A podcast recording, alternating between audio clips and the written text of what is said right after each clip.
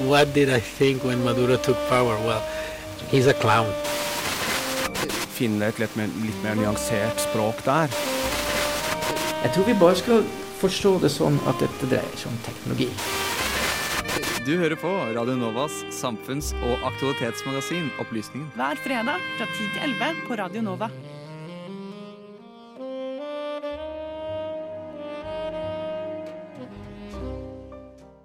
Men nå skal vi altså snakke litt om atomkraft, eller vi skal ha en sak om atomkraft. Fordi dette er jo et utrolig eh, kontroversielt tema på COP26.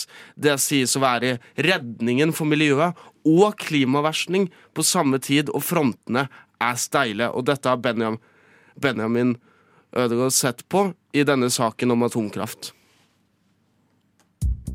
I Glasgow sitter nå noen av verdens viktigste personer og diskuterer hvordan vi skal gå frem for å avkarbonisere verden. Og et av de aller tyngste spørsmålene er atomkraftens rolle. Noen trekker det frem som en miljøhelt med enormt potensial, mens andre mener det er en klimaversting. Hvorfor blir vi ikke enige? La oss begynne med å se på noen tall. Atomkraft står for omtrent 10% av verdens energi, og særlig finner vi atomkraftverk i Europa og Nord-Amerika. Men hvordan fungerer det? Fordi ganske få av oss er atomfysikere, så holder det kanskje med kortversjonen. Man har en reaktorkjerne der veldig radioaktivt materiale, typisk uran og plutonium, bombarderes med nøytronpartikler.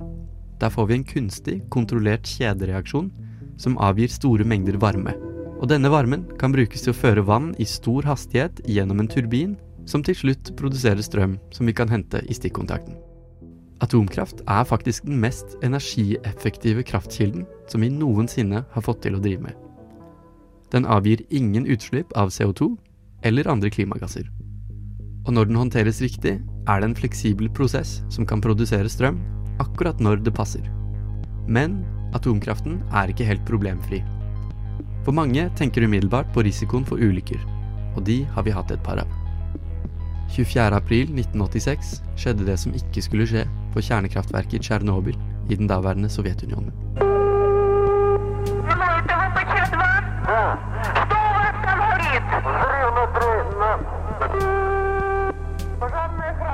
«340 000 mennesker ble evakuert fra nærområdet, og opprydningsaksjonen krevde enormt med ressurser fra det sovjetiske statsapparatet. Og de modige opprydderne har fått sin skjebne dokumentert bl.a. i HBO-serien Tsjernobyl. Men forskere sliter faktisk litt med å finne noen gode tall på omfanget og resultatet av Tsjernobyl-ulykken. Det er kanskje overraskende å høre at antallet døde som følge av høy ioniserende stråling under Tsjernobyl-ulykken ligger ganske lavt. Et sted mellom 31 og 90 mennesker. Problemet som dukker opp derimot, er å fastslå effekten av lavere nivåer stråling over lengre tid. Hvor mange som har blitt eksponert, og hvor mange tidlige dødsfall dette har medført. De laveste estimatene vi har, begynner på rundt 4000, mens Greenpeace anslår at det egentlige antallet kan ligge på opp mot 200 000 mennesker. Skal vi oppfordre til mer atomkraft når vi vet at det kan gå så fryktelig galt?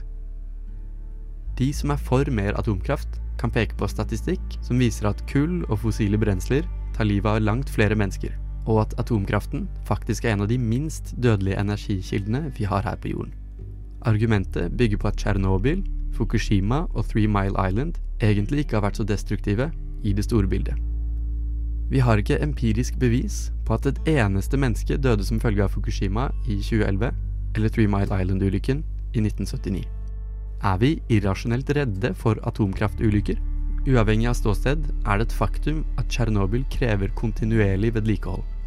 Hvis menneskeheten i fremtiden slutter å ha oppsyn med dette ulykkesområdet, så vil radioaktiviteten til slutt finne veien inn i grunnvannet, seile nedover Njeper-elven, treffe storbyen Kiev og etter hvert kontaminere hele kloden.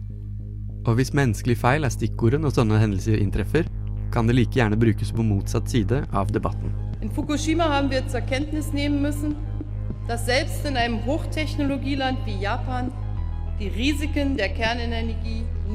Tyskland, med avtroppende bondeskanslerin Merkel i spissen, er et av de landene som har lovet å gå vekk fra atomkraft. Tyskland skal i stedet satse stort på fornybare energikilder som vind og solkraft. og i Glasgow fronter de dette budskapet. I kjølvannet av Fukushima-ulykken valgte de å stenge ned flere av sine atomkraftverk. Kritikerne derimot peker på at Tyskland har måttet skru opp kullkraften i de siste årene for å fylle dette tomrommet.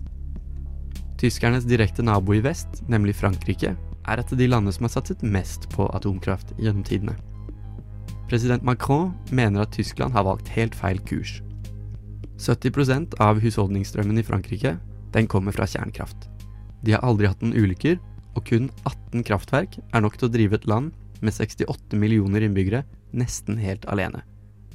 Det er kanskje ingen overraskelse at Frankrike er et av de landene i Glasgow som er mest positive til atomkraft som en løsning, sammen med Tsjekkia, Slovakia og Polen. Så hva tenker vi her i Skandinavia? I Norge har vi aldri hatt noen ordentlige atomkraftverk. Den siste atomreaktoren i Norge lå på Kjeller utenfor Lillestrøm og ble lagt ned for to år siden fordi bygget hadde skader i grunnmuren, og politikere anslo at det ville bli for dyrt å reparere dette anlegget. Men knappe fire timers kjøretur fra Oslo, like utenfor Gøteborg, finner vi derimot Ringhals kjernekraftverk. Skandinavias største. Vårt naboland Sverige får faktisk 40% av sin strøm fra atomkraft. Og en gang iblant, når Norge må importere strøm, hender det at nordmenn får atomkraft i stikkontakten.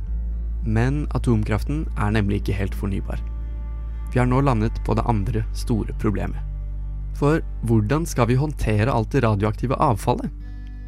Menneskeheten har nå etterlatt seg nærmere 400 000 tonn med oppbrukt radioaktivt drivstoff. Nærkontakt med dette avfallet er svært, svært farlig. Og som verdenssamfunn har vi ikke landet på noen bærekraftig løsning. Men er det kanskje håp? Sverige og Finland er pionerer som har begynt arbeidet med en lagringsplass for radioaktivt avfall. Den ligger 400 meter under bakken, og i teorien skal det kunne vare i 250 000 år i fremtiden.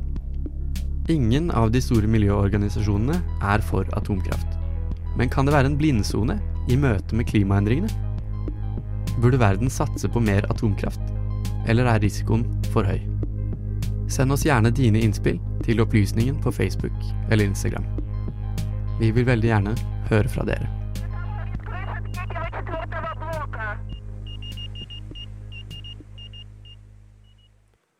Reporter i denne saken var Benjamin Nordtømme, og vi skal snakke litt mer om energiproduksjon i form av kull senere. Men først skal vi høre en nydelig låt av Grapefruit, 'Arcade Love'.